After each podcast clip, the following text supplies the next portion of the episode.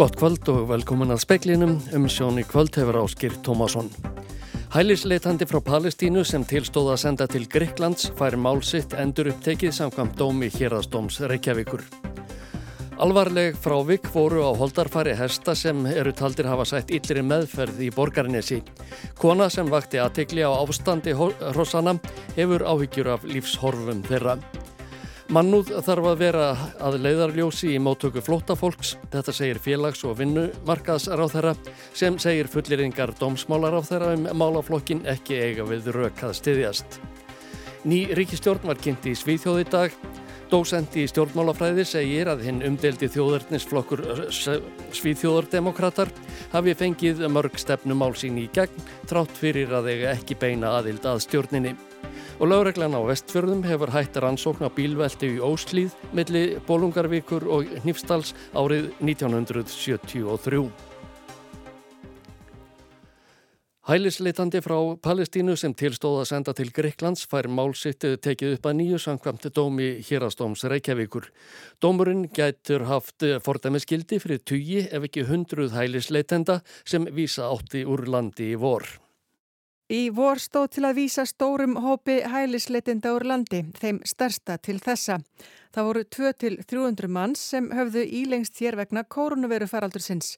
Sumum hafði verið sinjað um endur upptöku og efnis með ferði í málum sínum á þeim forsundum að þeir hefðu sjálfur tafið mál sín með því að neyta að gangast undir COVID-próf.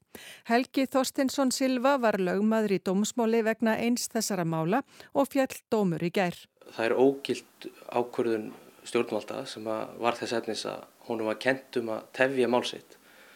Uh, hann hefur sem sagt verið hérna í, í þó nokkuð tíma og þá hefur liðið þessi frestur sem stjórnvald hafa til að ljúka málunars og það á að leiða til þess að meginreglan virkjast sem er svo bara að hann fá efnismæðferð. Þannig að það er sem sagt, málið er ekki þannig stætt að hann sé uh, þar með endilega komið hæli, heldur bara að málið hans fá efnismæðferð.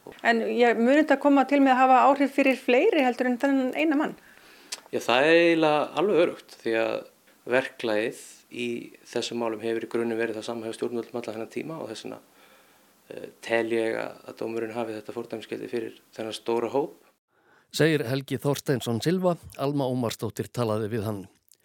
Kona sem fylgst hefur með hrossum sem eh, eru talinn hafa sætt illi, illri meðferð í borgarnesi hefur áhyggjur af því að dýrin lifi ekki af veturinn. Alvarleg frávik við holdarfarhestana voru skráð við eftirlit mast. Steinun Árnadóttir hestakonna vakti aðtikli á aðbúnaði hestana í lok ágúst. Hún lísti því að þrátt fyrir ítrekkaðar ábendingar hafi ekkert verið aðhafst. Þá hefðu hestarnir verið innilokaður í lengri tíma og virtust hóraðir og illa haldnir. Rossin voru færð út í haga eftir umfjöllun. Egi hestar að vera úti að vetrinum þurfa þeir aðgangað góðri beit allt sumarið og haustið. Þannig ná þeir að byggja upp forða til að sækja í yfir veturinn. Steinun hefur áhyggjur af lífshorfum hrossana. Þau eru mjög hóruð og feldurinn á þeim er það, það illa farin að, að þau get ekki varistu veðri og það er nú það sem máli snýst um að þau getur bara að lifa af. Matvælastofnun hefur gefið út yfirlýsingu um mál hestana vegna mikillar umfjöllunar. Hrönn Ólína Jörundsdóttur er forstjóri mast. Við fengum ábendingu um þetta málefni í, um þetta mál núna í lok sumasins. Þá fóru við strax að stað og þetta mál var komið í finnslu áður en þetta kom inn í fjölmjöla. Alvarleg frávik í holdafari hlutarhossana var skráð við eftirlit. Fari var fram á það við eigendur að hestunum erði hleyft út og þeir fóðuraðir með beitinni. Ekki hefur orðið vörslusvifting. Hrönn segir að eftirlit sé nú haft með hestunum og kröfum um úrbætur fyllt eftir. Elsa Maria Guðlóks Drífudóttir talaði við Hrönn Ólínu Jörundsdóttur. Þar áður herðum við í steinunni Árnadóttur. Fjallað verður frekarum málið í sjónvarpsfréttum klukkan sjö. Vladimir Putin, fórseti Rúslands, segir enga þörfa frekari umfangsmiklum árásum á Úkrænu í byli. Sem stendur séu önnur verkefni í fyrirrúmi. Þegar þeim er lokið kemur í ljós hvort sprengju árásum verður eh, haldið áfram. Hann segir markmið stjórnvalda í Kreml ekki að leggja Úkrænu í rúst. Pútín greindi frá þessu ára á stefnu fyrverandi sovjetlýðvelda í Kazakstan í dag. Hann fullirti að rússar væru að gera allt rétt í Úkrænu þrátt fyrir að það var ekki tekist að velta stjórnmöldum í kænugarði úr sessi og að rúsneski herin hafi tapað landsvæði undanfarnar vikur. То, что происходит сегодня, малоприятно, мя мягко говоря. Hann segir að það sem sé í gangi sé ekki gott. Þrátt fyrir það hefðu rússar verið í sömu stöðu í dag eftir hefðu ekki ráðist inn í Úkrænu í februar nema aðstæður hefðu þá orðið verri. Pútín saðist skilja áhyggjur annara fyrrum sovjetlýðvelda af afskiptum rússa í Úkrænu. Hann saðist þó ekki hafa frekari herrkvaðningu í hyggju og þeir 300.000 sem voru kallaðir til herrþjónustu verði komni til starfa á næstu tveimur vikum. Robert Jóhansson tók saman. Því má ekki gleyma þegar talaður um málefni hælisleitenda að þau snúast um fólk sem flýr aðstæður sem erfitt er að gera sér í hugarlund, segir Guðmundur Ingi Guðbarandsson, félags- og vinnumarkaðsráð þeirra. Hann telur að um, nást hafi að halda utanum þessi mál hér. Mitt mat er, er það að hér ríki alls ekki stjórnleysi. Við höfum náða að halda bara mjög vel utanum þetta. Við þurfum líka nálgast þennan málaflokk af varferðni. Við þurfum að tala um þennan málaflokk út frá því að þarna er um mannúðar mál að ræða. Þar sem við erum að taka á móti fólki sem er að flýja aðstæður í sínum heimalöndum sem að allavega ég var mjög erfitt með að gera mér í hugalund hvernig eru og hvaða áhrif hefur á mann. Nánar verður rætt við Guðmund Inga Guðbrandsson síðar í speklinum. Ný ríkistjórn var kynnt í Svíþjóði morgun. Hún verður minni hlutastjórn leitt af Ulf Kristersson, leittóa hófsamra hægrimanna. Sæti eiga þar líka frjálslindi flokkurinn og kristilegir demokrater. En umdeldi þjóðarnisflokkur, Svíþjóðardemokrater, veri hana falli.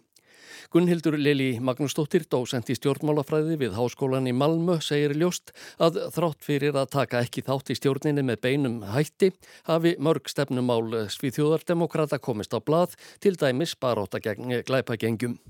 Þetta er gengjaptengtir glæpir eitthvað sem allir flokkar vilja taka á en það er samt sem að það er ákveðlega lítill hluti kjósenda sem verður beint eða óbeint fyrir verið fórnalum gengja tengra glæpa en Svíðjóðdemokraternar hafa gert þetta á sínu stóra kostningamáli og þeir fá ímislegt í gegn þar til dæmis auknar heimildir, lögurglindir hlýrana og ímislegt í, í þeim dúr. Þegar maður skoðar þetta samkómulag sem var kynnt í dag þá er, er það alveg ljóst að Svíðjóðdemokraternar eru sigurverðni þar. Saði Gunnhildur Lili Magnúsdóttir. Lóreglan á vestfjörðum hefur hætt rannsókn á bílveldi í Óslíð millir Bólungarvíkur og Hnífstals árið 1973. Það var gert eftir niðurstöðu réttarleiknis þar sem ekkert bendi til annars en að farþegi bílsins hafi látist af afleðingum umfræðarslis. Fjölskyldamannsins hafði farið fram á að rannsakað yrði hvort andlátið gæti hafa borið að með sakmænum hætti því tvö önnur sem voru í bílnum þegar hann vald og bæði meitust þau lítið. Eftir að líkamsleifar mannsins voru grafnar upp fekk réttarleiknir það hlutverk að leggja mat á áverkana og greina hvort þeir hafi hlotist í umfæðarsleysinu eða með öðrum hætti. Þær niðurstöður benda ekki til sakamáls og því er rannsókn hætt á ný. Íslenska karlalandsliði handbóltas mætir Íslandi ytra í undankeppni EM á morgun. Ísland vann 15 marka sigur á Ísrael á miðvíkudagskvöld 36-21 og landsliðsmaðurinn Bjarki Már Eliasson Elísson afsakið segir liðið hafa undirstreika það síðustu mánuði að það sé komið á mjög góðan stað. Ég, minna, ég held að janúar hafi sínt það í öllu COVID-ruglinu að hérna að við eigum fullt af leikmönum og það komu fullt af gæði minn sem voru ekki inn í myndinni þá og stóðu sér bara vel og hérna, þannig ég myndi segja að það er bara mjög góð stað. Þetta viljum alltaf hafa alla bestu með en hérna, núna er einhverju tæpir og svona, þannig við dílum bara við það, gerum það vel á Ísrael en, en, og ætlum að gera það vel á morgun líka. Saði Bjarki Már Elísson, leikur Eistlands og Íslands hefst klukkan 16.10 á morgun og er í beitni útsendingu á, eh, hjá Ríkisútvarpinu og á rúf.is. Hundurinn Samson stál selunni þegar verkefnið Arctic Base Camp var kynnt á þingi Ringborðs norðurslóða fyrir utan hörpu í dag.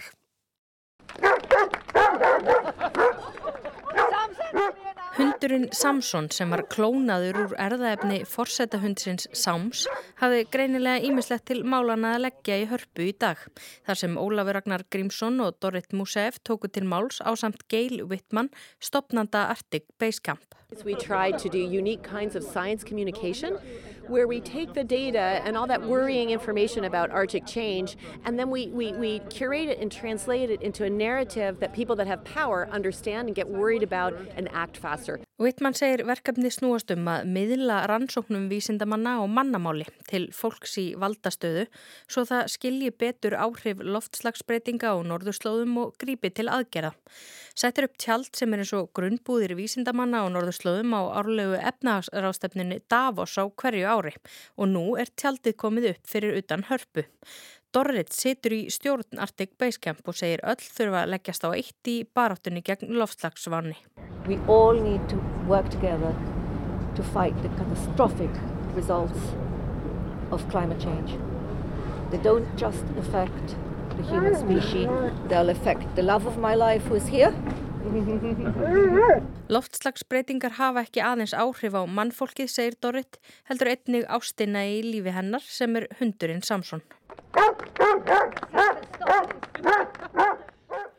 Ólöf Ragnarsdóttir tók saman. Ef segja má að Gustaf hafi um stjórnarheimilið í Breitlandi frá því að Liz Truss tók við ennbætti fórsætis ráðherra fyrir 39 dögum brast á með sankölluðu fárviðri í dag. Kvasi Kvarteng, fjórmálar á þeirra, var kallaður heim að fundi hjá Alþjóða Gjaldirisjónum í Washington í morgun. Þegar heim var komið sagði Liz Truss honum upp störfum fyrir þær sakir einar að fyrir virðist að hafa framfyllt efnahagsstefnu hennar. Brottræksturinn virðist hafa komið flatt upp á kvarteng. Hann var að því spurður í gerðkvöld hvort hann byggist við því að verða fjármálar á þeirra að mánuði liðnum. Alveg viss saðan, ég er ekki að fara neitt. And you'll be Chancellor and Liz Truss will be Prime Minister this time next month? Absolutely 100%. I'm not going anywhere. Thank you very much, Chancellor. Thank you. Kvarteng náði að gegna fjármálar á þeirra ennbættinu í 38 daga sem er hið næst styrsta í sögu Breitlands. Einungis Ian McLote hefur setið skemur. Hann tók við ennbætti 20. júni 1970 í ríkistjórn Edwards Heaths og var bráðkvatur 30. júli. Þegar Kvarteng kynnti efnahagsrástafanir ríkistjórnarinnar fyrir þremur vikum tóldu stjórnmólaskýrendur, stjórnarandstaðingar og jafnvel margir íhalsmenn að dagarans í ennbætti yrðu ekki margir. Aðferðir stjórnarinnar til að takast á við efnahagsörðugleika breyta þóttu með ólíkindum. Harðastaka grinni hlutu á formin um að afnema 45% hátíkjuskatt og að lækka skatta á fyrirtæki án þess að neitt kæmi í staðinn. Kvarteng var það tilkynna í byrjun þessa mánadar að hægt hefði verið við að afnema efsta skattþreppið og í dag greindi Liz Truss frá því á fundi með frettamönnum að vegna gaggríninar yrði ekkert af því að lakka fyrirtækjaskattin heldur láta ákvörðun fyrir ríkistjórnar standa. I have therefore decided to keep the increase in corporation tax that was planned by the previous government. This will raise 18 billion pounds per year. Þetta þýðir að sagn tröss að það hækkar um 18 miljardar sterlingspunda í ríkiskassanum. Breskir fjölmilar segja að með þessu hafi ríkistjórnin tekið uppeyju í efnahagsmálum.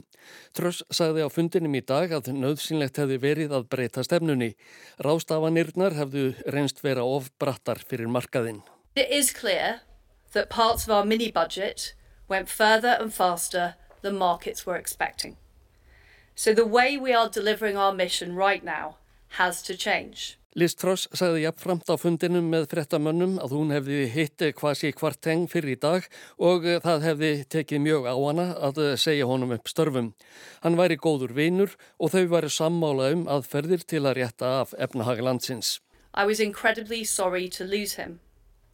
He is a great friend and he shares my vision to set this country on the path to growth. Liz Truss greindi jafnframt frá því að hún hefði fengið Jeremy Hunt til að taka við embætti fjármólar á þeirra. Hún hvað hann tröstsins verðan, enda væri hann einni reynslu mesti og virtasti stjórnmálamadurinn sem sittur á breska þinginu um þessar mundir. Frettamannafundur Liz Truss í dag var einn hinn stisti sem breskur forsættis ráþara hefur haldið í manna minnum.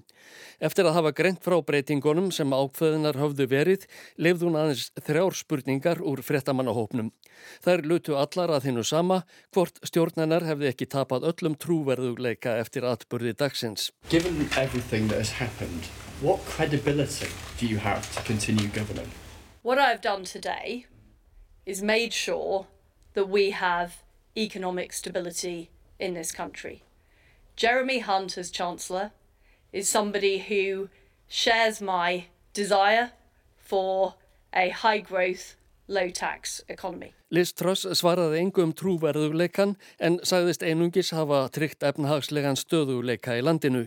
Hún sagði að hinn nýji fjármálar á þeirra, Jeremy Hunt, væri sammála henni um efnahagskerfi með miklum vexti og lágum sköttum.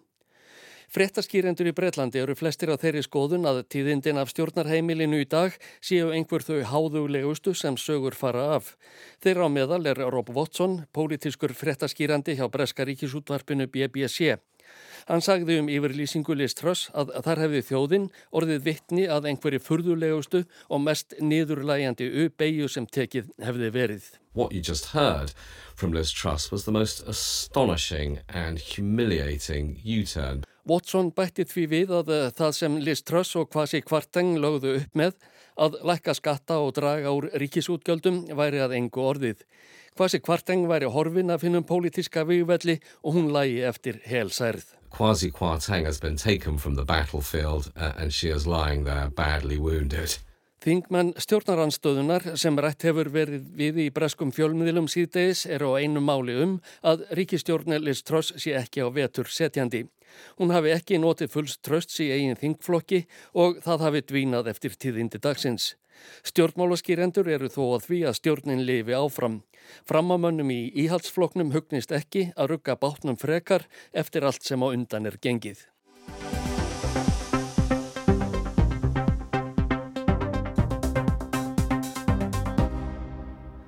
Við verðum að hafa mannúð að leiðarljósi í umræðum móttöku flótafólks. Þetta segir Guðmundur Ingi Guðbrandsson, félags- og vinnumarkaðsráþera. Hann segir stór orð domsmálaráþera um stjórnlaust ástand í móttöku flótafólks og að sengen samstarfið sé í hættu vegna þess ekki eiga við rauk að styðjast. Í dag sagði Jón Gunnarsson, dómsmálar á þeirra, það vera skildu stjórnvalda að vera með lokaðar búðir fyrir flótafólk sem er sinjað um hæli. Að óbreytu sé aðild Íslands að sengin í uppnámi. Evrópufræðingur og kennari við Háskóla Íslands sagði í hátegisfrettum í gær að ekkert væri hægt í því að aðild Íslands að sengin væri í hættu og sagaði dómsmálar á þeirra um hræðslu áróður. Guðmundur Ingi Guðbrandsson er félags- og vinnumarkaðsráð þeirra. Það er nú þannig að móttaka flóttamanna þar að segja eftir að uh, svo þjónusta sem að því er veitt þegar það kemur til landsins og svo þjónusta sem að því er veitt eftir að það kemur til landsins. Utanum haldum það er í félags- og vinnumarkasræðanitinu og síðan náttúrulega í góðu samstarfi og ofta tíðum á höndum sveitafélagana og mitt mat er, er það að hér ríki alls ekki stjórnleysi. Við höfum náða að halda bara mjög vel utanum þetta Þetta er mikið álag vegna þess að það er mjög margt fólk að koma sem er afsprengi ákverðana sem að við tökum í kjálfar þess að Rúsland ræðstinn í Ukrænu. Þegar að, að stríðið stríst út þá vildum við opna dyr okkar fyrir Ukrænubúum. Þau eru langstæsti hluti þeirra sem að er að koma eh, hinga til lands núna. Þannig að það er að ljósta að við erum að framfylgja ákverðunum sem að við stóðum öll að í sammenningu að, að taka. Þetta má alveg segja að, að það er mjög líklegt að Ukrænubúar hefðu komið þó svo við hefðum ekki opnað á þá leið sem að eh, við gerðum gagvart þeim.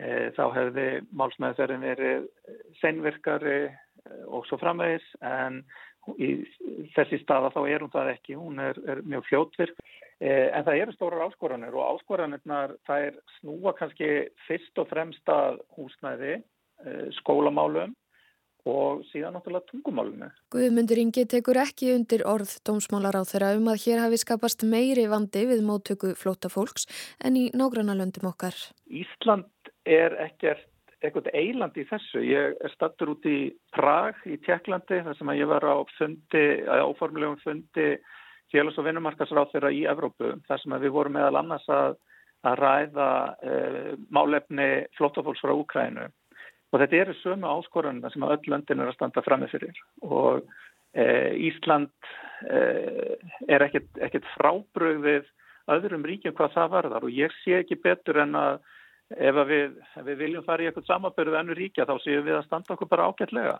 Ef við horfum á Úkrænu, fólk sem er að koma frá Úkrænu, að þá er hlutfalslega, þá erum við að fá eitthvað færra að fólki hinga til okkar því að, að lang flesta fólkinu sem er að flýja Úkrænu það vill vera í ríkjunum í kringum eða í nágræni Úkrænu þannig að það sé stutt að fara tilbaka ef að aðstæður batna og talsveit margt af því fólki hefur farið aftur heim til Úkrænu sem er kannski flúið aftur eða aðri komið í staðin þannig að ég held að staðan sérstaklega hjá nágrannaríkjum Úkrænu hún er náttúrulega miklu miklu flóknari og og miklu já, erfiðari heldur en það sem við erum að, að, að glíma við án þess að ég gerir lítið úr því sem við erum að glíma við vegna þess að það er alveg mjög stórar áskoranir.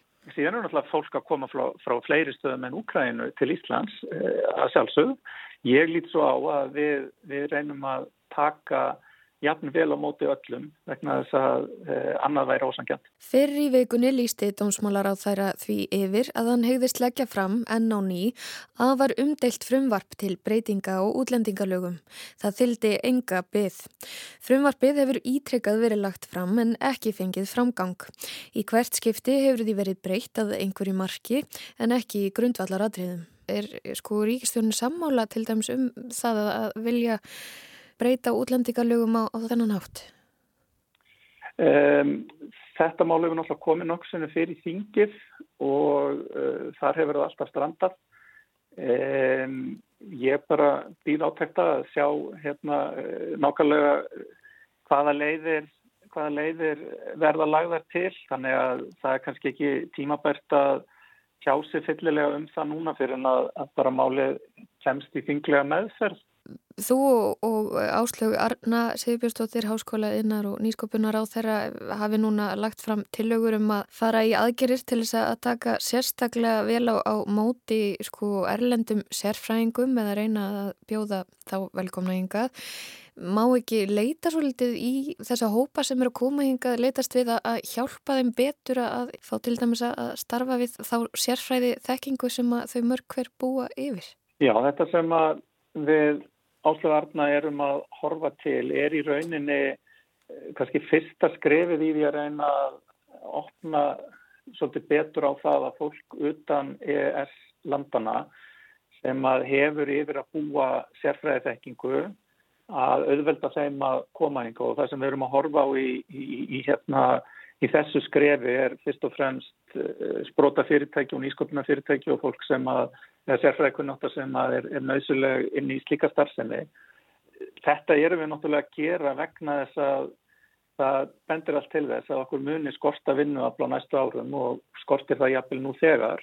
Þannig að við erum í samkeppni við önnur lönd um fólk og ekki síst í sérhæfða vinnu eins og þessa. Þannig að þetta er mjög mikilvægt fyrir samkeppnishæfni Íslands að, að reyna að ná þessu fólki hér og við erum hreinlega í samkeppni við önnur ríki.